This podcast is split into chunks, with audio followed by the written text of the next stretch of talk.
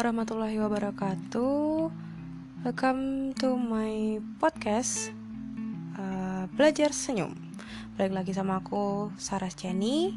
Di podcast kali ini aku yang pasti nggak sendirian lagi, tapi aku lagi ngomong sama lo ngomong sama. Aku ngobrol sama temen Q, iya. Yang dia udah temenan dari tahun 2000 piro?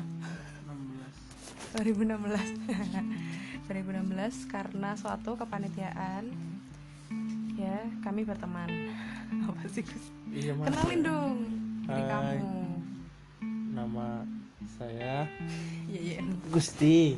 Panggilannya seperti itu. Satu angkatan sama Jenny. Beda jurusan. jurusan apa Kalau Jenny kan psikologi tuh. ya tuh Kalau aku ilmu komunikasi. begitu. Oh, oh.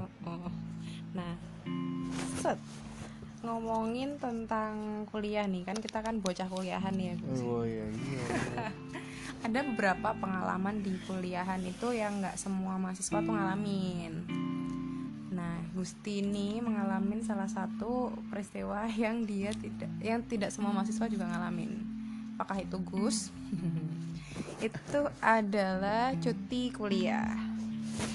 Eh, maukah Gusti bercerita? Iya, nggak sih aku bakal kasih beberapa pertanyaan Gusti Hmm, gimana tuh? tentang peristiwa-peristiwa pengalaman cuti kuliah. Heeh. Pipi. Apa sih nggak seru lu? Oh, kode aktif ya? iya, jadi aku cuti itu Kapan dulu kapan? Tuh Semester? semester 3 Mm-mm. se 6 bulan sebelum kenal Jenny. Oh iya iya. Setahun, setahun, hampir setahun sebelum kenal Jenny. Mm-mm.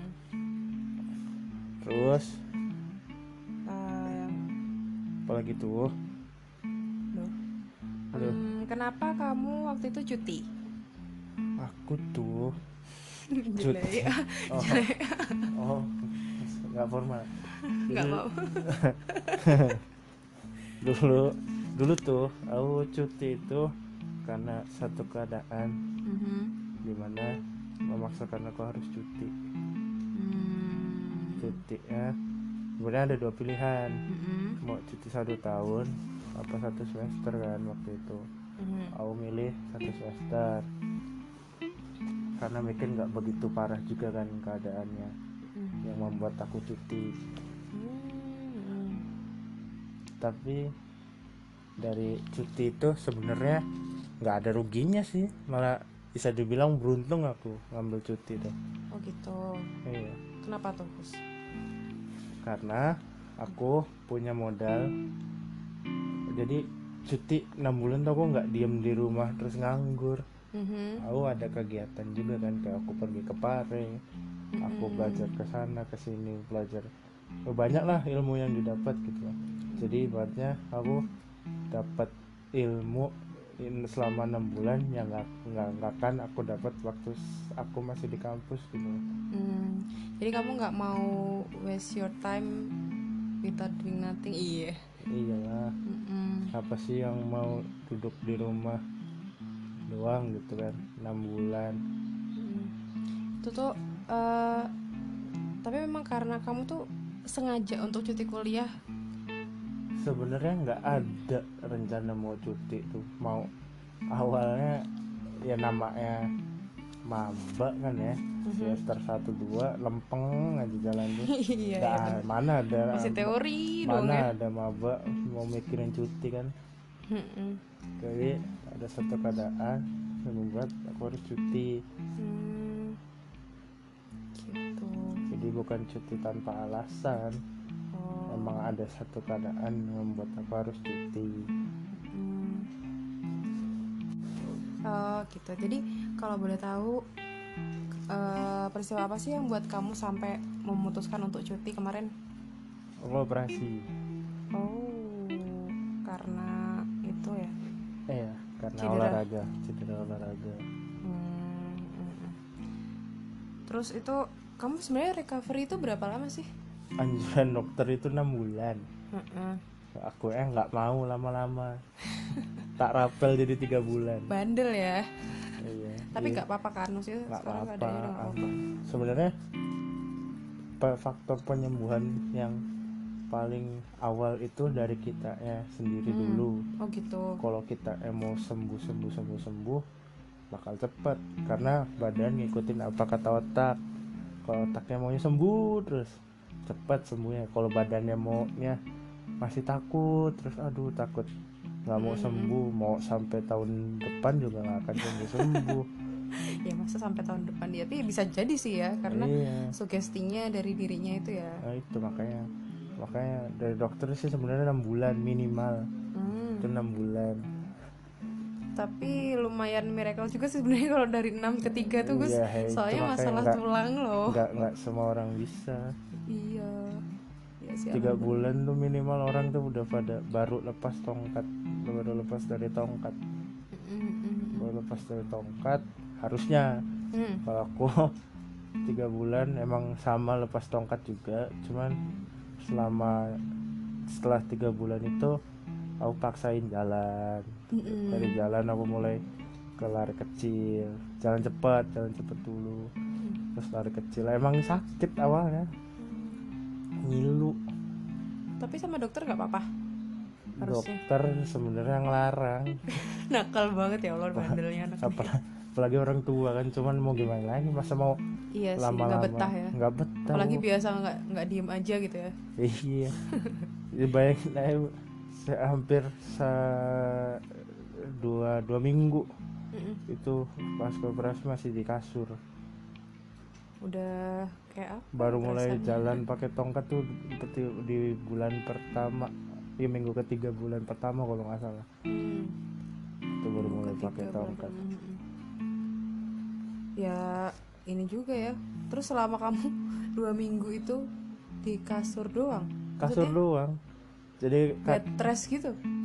sebenarnya nggak bed rest cuman nggak ibaratnya dua minggu tuh masih pemulihan di mental gitu. kayak pemulihan di mental jadi kaki tuh digantung satu di apa ya sebenarnya kan masih di pen kan Iya. masih di pen terus masih di apa namanya iya di itu nah Iya di pen, ah, ah. putih-putih itu. iya itulah yang itu Apa sih namanya namanya? Gip eh. eh, gitu Ah, ah. dikit terus Iya. kaki itu digantung dilurus ya nggak boleh nakuk sama biar sekali pertumbuhan itunya kayaknya biar Mm-mm. sempurna lah nggak boleh nggak boleh nekuk sama sekali Mm-mm. jadi itu ibaratnya dua minggu buat pemulihan mental aja lah gitu kan. Tapi kamu berarti total tiga bulan tuh udah lepas ya? Eh. Tiga bulan tuh lepas tongkat. Oh. Ya sih tapi adikku juga segituan sih kemarin. Iya. Tiga bulan lepas tongkat tuh mulai jalan biasa tuh di bulan keempat. Dan itu baru mulai jalan biasa aku pergi ke Pare. Nah kenapa tuh Hebat kamu kan? milih pare aku nggak apa ya. Kalau aku di rumah aja ibaratnya cuman belajar jalan gitu loh. Kenapa sih nggak manfaat? Ibaratnya dikasih liburan nih gitu loh. ke mana Oh. kan? Kalau liburan biasa doang ke Bandung dari kecil juga emang ke sana terus kan. Maksudnya nggak ada akan dapat apa-apa. Hmm. terus dengar dari teman Ah, oh dari kakak ipar kakak ipar kan alumni Pare juga tuh. Oh gitu. Dia katanya kursus bahasa Inggris bagus di sana katanya. Mm-mm. kalau mau liburan coba mending ke sana kata sekalian nambah ilmu kan. Mm-mm. cari info cari info akhirnya ke sana bulan keempat am sisa. Iya ya, bulan keempat tadi ya Ah. katamu. Bulan keempat itu. Tapi eh, dengan keadaan kamu udah le- lepas tongkat terus kamu yakin gitu maksudnya jauh gitu loh dari rumah? Iya. Hmm. sebenarnya sendiri juga masih ragu apalagi orang tua kan Iya, kok bisa sampai Bisa kamu mendapatkan berani- iya dari orang tua untuk berani ngelepas kayak gitu gimana? yang paling kang itu dari mama Mm-mm. mama tuh udahlah pokoknya sembuhin dulu gitu enam bulan tuh di rumah udah gitu jangan macem-macem Hmm. cuman kata yang dukung lagi tuh si papa Hmm. katanya udahlah biarin anak laki kan biar, biar Emang kayak gitu ya biasanya perdebatan bapak dan ibu. berani sakit Iya. kalau ka- kamunya papa sebenarnya cuma dari dari aku sendiri kamunya bisa nggak? Yakin nggak? katanya. Kuat. Sih, aku yakin kuat. Ya udah kuat akhirnya di sana kan. Bener sih harus ditanya ke diri sendiri lagi balik lagi ya Gus. eh, iya. Sebenarnya mau gimana juga tetap dari diri sendiri dulu. Kalau dari kita yang mau sembuh ya sembuh gitu loh. Kalau masih takut sakit sakit ya nggak akan sembuh sembuh Mm-mm. Sih ya juga sih memang. Brain body connection namanya Iya. kalau nggak salah ya. Yoi terus eh, kamu di Pare ngapain aja selain kursus bahasa Inggris nih Eh, sebenarnya aku di Pare tuh kayak cuma ya sebenarnya tujuannya awalnya mempertajam soft skill bahasa Inggris gitu kan Mm-mm. sama aku sempet belajar beberapa bahasa lain kayak bahasa Jerman kalau nggak salah aku sempat belajar dua minggu Mhm. walaupun dua minggu lah ya.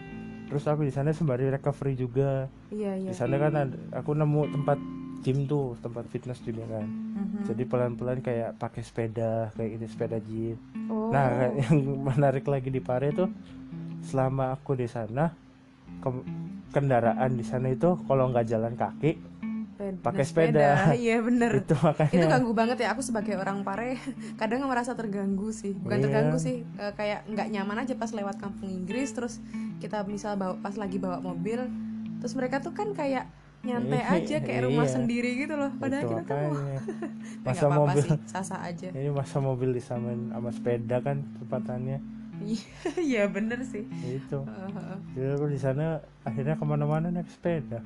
Malah malah bisa ya? Awalnya dua minggu pertama datang ke Pare tuh nggak mau naik sepeda mending jalan gitu kan. Hmm. pernah waktu itu minjam sepeda teman kosan teman kosan baru loh, selama di Pare kan ngekos juga tuh. Minjam sepeda kosan teman kosan kan. Mhm. eh kaki tuh kayak ketusuk-tusuk. Nge- ngegoes aja tuh kayak ketusuk-tusuk gitu. Uh, pokoknya panas lah kalau lutut panas kan. Tapi kamu paksain? Awalnya nggak mau. nggak? awalnya pertama ah sakit banget kan nggak Hmm. kuat ketusuk-tusuk kayak gitu. Akhirnya sepedanya tuh sempet tak tuntun tuh pulangnya. Jadi berangkatnya doang berangkat kan Ya Allah, ngambil iya, uang. kali, Wak. nggak kuat kan sepedanya tak tuntun akhirnya. Mm-mm. pulangnya sepedanya tak tuntun. Tanyain kan itu sepedanya kempes katanya enggak kok. Aku aja males gue tadi ngapain gue sepeda kata temenku kan. Iya sih. Ya udahlah gitu kan. Cuma nyoba nyoba sebenarnya nggak mau awalnya. Cuman ya itu lagi balik ke diri kita lagi. Eh, eh, karena kamu pengen nyoba itu tadi ya? Mau nyoba itu. Sejauh apa kamu udah recover iya itu. Heeh. nah eh, berarti alasannya kamu ke Pare untuk biar liburan eh, cuti yang kamu anggap liburan itu nggak sia-sia gitu nggak sih? sia-sia nggak cuman liburan buang waktu udah gitu. Maksudnya harus ada yang ibaratnya aku nih dikasih apa ya waktu buat belajar yang nggak teman-teman lainnya lain dapet gitu. Loh. Ah, ah, ah, teman-teman lain enam bulan mereka di kampus belajar tentang ya komunikasi dan lain-lain lah. Iya. Aku enam bulan masih bisa belajar bahasa Inggris loh. Mm, mm, ibaratnya gini mending kamu berhenti sejenak terus jalan ke depannya mudah Mm, mm. apa tetap jalan tapi, Tapi memutar. Nah, Oh, tapi, tapi memutar memutar malah ya? malah memutar. Oh gitu. Gitu loh aku mikirnya gitu. Mm. Ibaratnya aku nih dikasih kesempatan gitu manfaatin gitu. yang nggak semua orang dapat gitu. Ya sih. Eh gitu. Jadi eh, menurutmu nih apa selain soft skill bahasa Inggrismu yang bertambah setelah kamu di Pare maksudnya eh, mungkin hubungan sama teman-teman tuh membuat kamu jadi kayak gimana? Atau wah, kejadian itu dan kamu akhirnya jauh dari rumah membuat kamu kayak gimana gitu? Gimana guys kalau hubungan sama temen biasa aja sih aku kayaknya. Nggak maksudnya mungkin ke pola pikir aja. Oh malah ke pola pikir kayak Uh-uh. gimana tuh? pola pikirnya jadi lebih wise jadi lebih dewasa.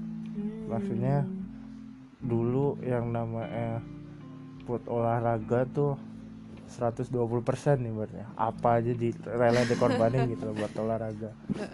Sekarang maksudnya udah dikasih cobaan begini kan Mm-mm. yang bikin sadar tuh ya waktu pas kejadian Mhm. kan di Jogja kan kejadiannya. Mm-mm. telepon terus dijemput pulang.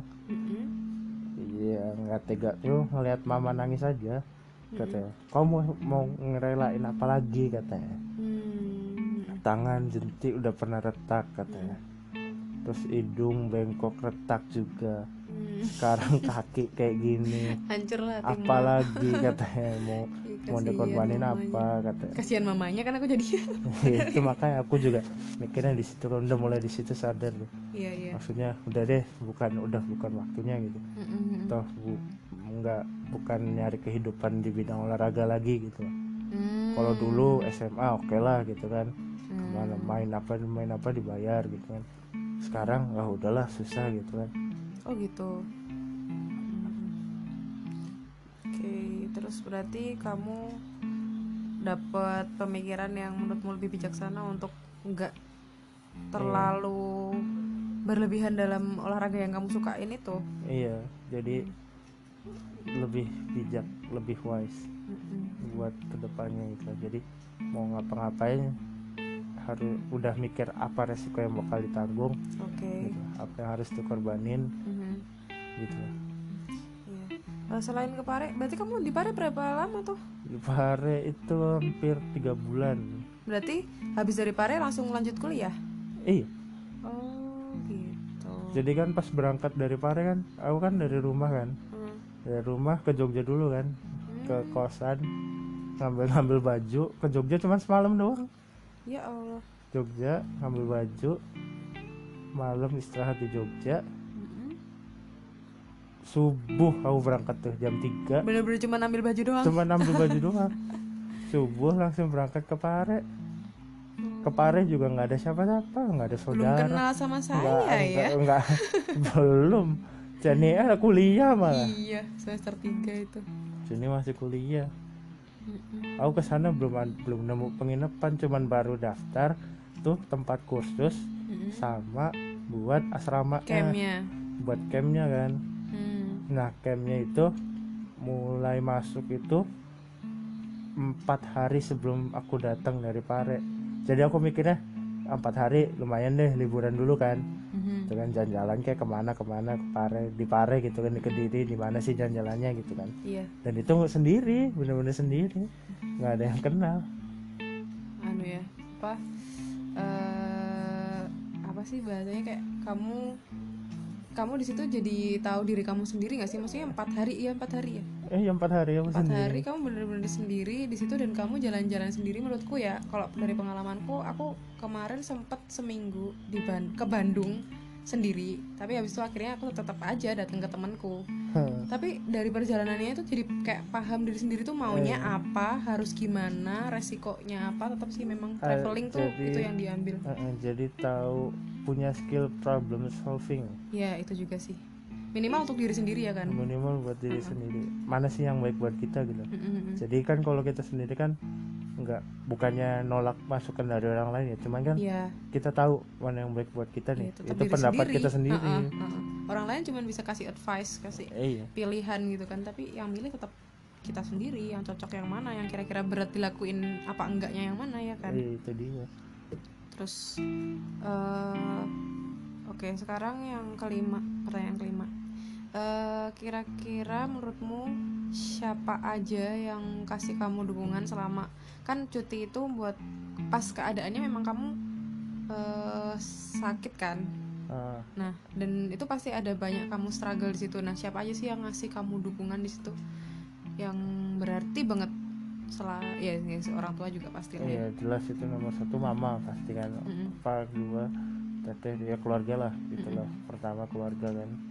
Yang kedua tuh yang lucu tuh anak-anak yang waktu semester 1 semester 2 yang Mhm. sekelas Iya, anak-anak ilmu komunikasi angkatan 2015 kelas D disebut Sorry ya. Iya, aku sebut aja emang Iya, mereka ya, nggak apa-apa, nggak apa-apa. aku sebenarnya main juga sama mereka mereka juga kan Mm-mm. semester 3 aku ngilang tuh aku bener-bener nggak ada Ya, kabar itu gimana tuh? Dicari nggak tuh? dicariin nyariin anak-anak pada nyariin Mm-mm, Mesti kamu ke mana kata semester 3 nggak pernah kelihatan katanya mm-mm.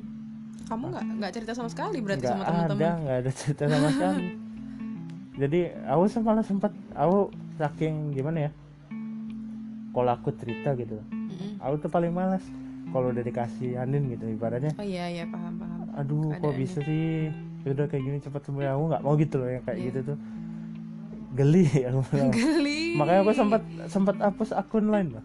Oh iya. iya pas ke cedera itu. Pas banget pas cedera aku mikirnya udahlah mau mau tenang gitu kan enam bulan. Belum ada kepikiran mau cep, cep- sembuh cepat. Terus ke Pare belum ada kepikiran kayak gitu. Masih down banget itu. Hapus ID line kan. Parah aku hapus ID line IG itu sempet nggak main IG itu hampir dua bulan oke. Dua bulan setelah. Gimana rasanya? Nggak main IG dua bulan. Enteng. Swear? Hidupnya enteng. Oh gitu. Sumpah. Boleh dicoba kawan-kapan deh. Beneran cobain deh sekali-sekali pas liburan nggak usah pakai IG malah dua, enak deh dua kayaknya. bulan hampir nggak ada sosial media sama sekali. Dan itu bener-bener emang cuman hubungan juga sama mama yang telepon. Yang telepon ya, Iya, yang cuman pasti. telepon. Mama telepon. Kalau mama di rumah kan mau dibawain apa katanya kalau KRS Mm-mm. kalau rumah sakit enggak gitu gitu doang. Bener-bener. Cuman hiburan tuh media tuh cuman dari TV toh. Dari sama TV. YouTube. Beneran nggak ada main IG main lain iya ya. Lain aja aku sempat tutup akun. Pokoknya eh, Lain tetep hiburannya akun. dari dari media komunikasi yang cuma searah doang. Eh iya. WA segala macam semua ya apa saking udah mau apa ya lagi down banget gitu. Udah mau putus kontak sama dunia luar dulu lah gitu kan. Iya heeh. namanya lagi drop banget kan.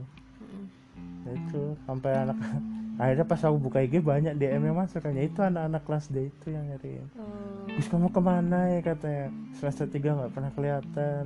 Mm-mm. akhirnya aku cerita kan. Baru aku mulai ngebuka sama orang lain. Iya.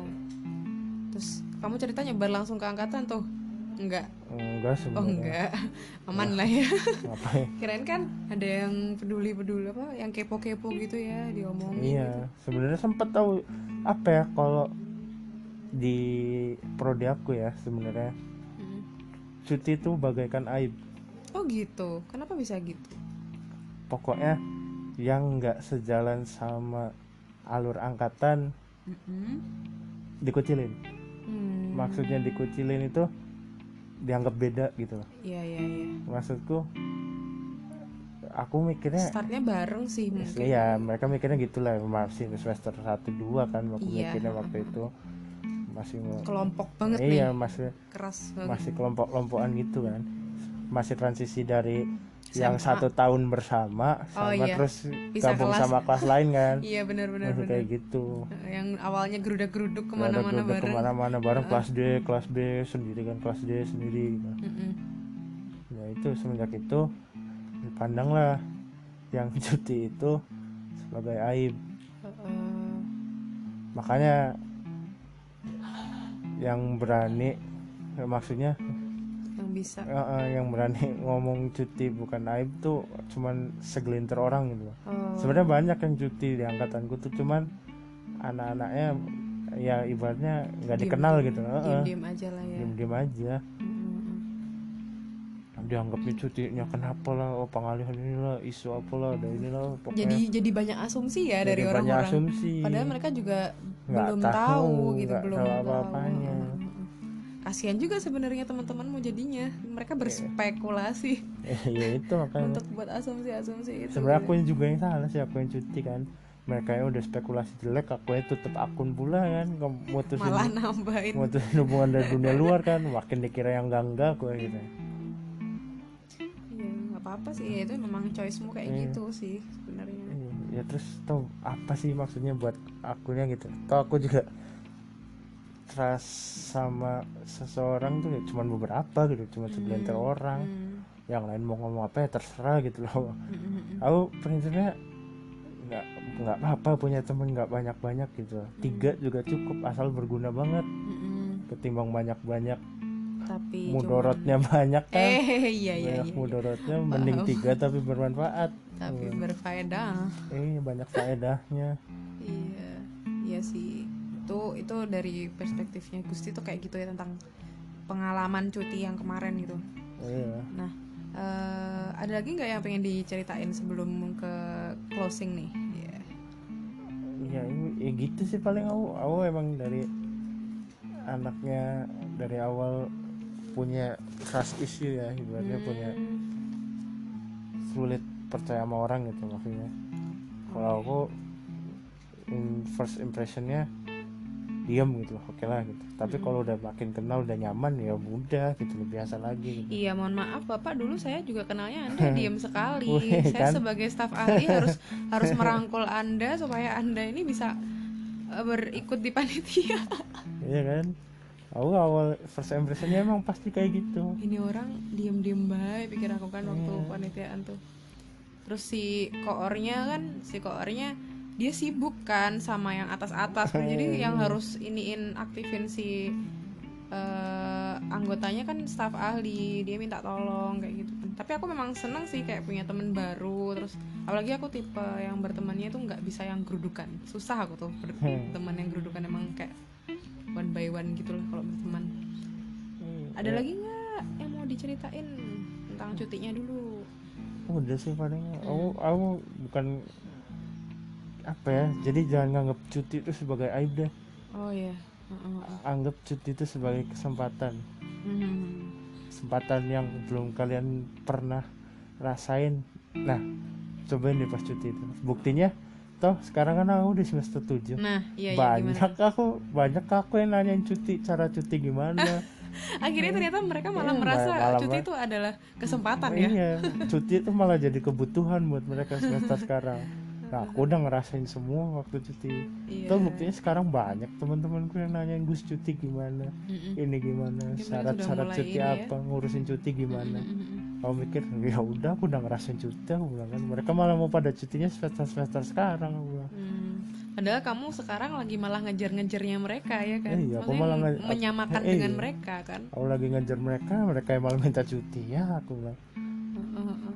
Lucu juga ya, maksudnya kayak harusnya kalau Lucu awalnya ini kan mungkin karena memang awalnya nggak tahu ya kalau cuti itu boleh gitu loh. iya Cuti itu pilihan gitu loh. cuti itu pilihan Heeh, kayak eh, bukan suatu hal yang harus disesalkan atau gimana menurutku aku juga ngelihat orang pasti ada alasan untuk cuti gitu iya ibaratnya kamu lagi jalan nih hmm. Ibaratnya aku udah jalan sampai semester 2 gitu kalau misalkan aku lanjut misalkan ini mah kalau Hmm. misalkan kalau aku lanjut aku struggle nih iya. Di dan jalannya itu pasti sulit lah ya. Sulit gitu ibaratnya. Udah oke lah banyak fisik. temen gitu kan Heeh. dibantuin temen. Tapi kalau dari diri kitanya nggak mau nyelesain masalah itu nggak akan jalan kan. Ibaratnya aku dikasih kesempatan nih sok berhenti dulu gitu. Mhm. ambil napas baru jalan lagi gitu. Iya iya iya benar ketimbang kamu paksain jalan terus Mhm. tapi kepatah-patah jalannya ibaratnya gitu kan. Mhm. Nah, harus struggle dulu. Nah itu beruntungnya aku di situ. Aku dapat keywordnya ini tadi memang cuti itu pilihan dan itu bukan suatu kesalahan gitu bukan ya? satu kesalahan. Heeh, banyak yang mau cuti itu sebenarnya. Heeh. cuman yang berani ngambil cuti itu sedikit. Iya yang berani ngambil pilihan itu sedikit. Sedikit. Nah, untuk kontenku di podcast kan sebenarnya namanya belajar senyum nih kalau Gusti belum tahu. Hmm, Nah, belajar senyum tuh pasti aku pengen dari setiap apa experience kita tuh apa sih yang buat kita itu memaknai hal itu. Apa makna positif lah? Makna positifnya yang benar-benar bisa jadi keyword buat teman-teman tentang pengalaman itu gitu loh. Yang bikin kita tersenyum dari pengalaman itu tuh apa? yang bikin kita tersenyum dari pengalaman yang aku alamin ya cuti itu hasilnya Hmm, hmm. prosesnya juga sih sebenarnya proses sama Dan hasilnya hasil. gitu setiap apa ya nggak setiap oke awalnya cuti aku nyesel gitu lah Mhm. kenapa sih Ada penyesalan juga ya? awal Oke, karena nggak ada rencana kan emang Iya nggak direncanain karena kecelakaan juga soalnya awalnya. Bahkan juga kan emang nggak direncanain awalnya terus makin ke sini malah aku nikmatin prosesnya malah makin asik Hmm. nah hasilnya ini aku bangga banget kan Eh, eh, eh. aku ibaratnya punya nilai lebih di bahasa Inggris. Timbang yang lain gitu maksudku buat nanti di dunia kerja ini aku udah punya modal gitu. Apalagi ilmu komunikasi kan? ilmu komunikasi Bahasa lagi asing kan bahasa kan? asing bahasa lebih dari satu kan maksudnya harus mempunyai bahasa lebih dari satu Mm-mm. Itu makanya hasilnya aku banggain banget jadi ibaratnya setelah lulus aku udah punya skill banyak gitu. Nih iya, iya, iya. nggak cuman lulus sarjana dapat ijazah nih gitu Iya, daftar iya, kerja Aku- tapi aku punya soft skill banyak. Aku bisa ini ya aku- nah itu dari cuti itu gitu aku bisa dapat Ah, senyum ah. yang lebih banyak ya. Dapat skill package yang lebih dari Oke, yang lain skill gitu. package ya sih.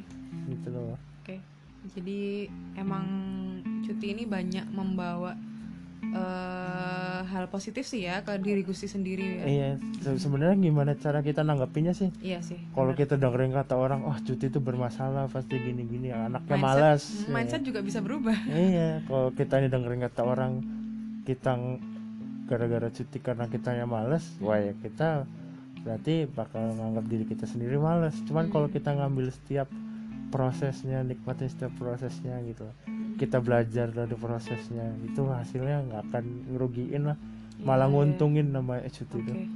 itu namanya ketinggalan cuma enam bulan belum lagi yang pada ngulang pada Iya, ngulang wah nggak akan kerasa Iya. nggak ada namanya kata ketinggalan tuh Oke. Oke, berarti kita udah dapat pelajaran bela- pelajaran belajar senyum. Belajar senyumnya dari peristiwa cuti yang Gusti alami. yo Iya. Eh, thank you ya Gusti udah mau sharing-sharing tentang Sama-sama, pengalaman cuti kuliah yang itu nggak semua orang bisa berani yang tadi kata Gusti bisa Iya. berani dan untuk mengambil kesempatan itu Hmm. pilihan itu karena kadang memang pas kuliah tuh kelihatannya santai ya Gusti tapi kadang memang manusia tuh butuh bernapas kata Gusti bernapas bernapas. dulu baru kamu jalan lagi Ya, iya. gitu mungkin itu sih proses cuti yang kita dapat dari pelajaran waktu ini podcast ini episode ini oke Eh, maaf kalau ada salah-salah kata dari aku maupun Gusti. Pastinya ya Gus ya. Iya. Eh, kita juga di sini berbagi perspektif aja. Mungkin teman-teman ada yang punya perspektif lain itu sah-sah aja. Eh, nggak ada salahnya. Lebih banyak perspektif lebih baik lagi. Lebih bijaksana lagi dalam menyikapi sesuatu oke? Thank you sudah dengerin podcastku. Wassalamualaikum warahmatullahi wabarakatuh. Selamat sampai jumpa di podcast selanjutnya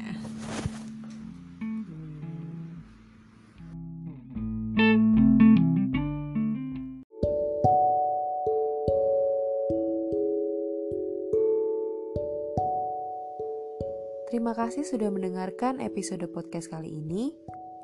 Semoga kita selalu bisa belajar senyum dari apa pun yang kita jalani. Sampai jumpa di episode podcast selanjutnya. Wassalamualaikum warahmatullahi wabarakatuh.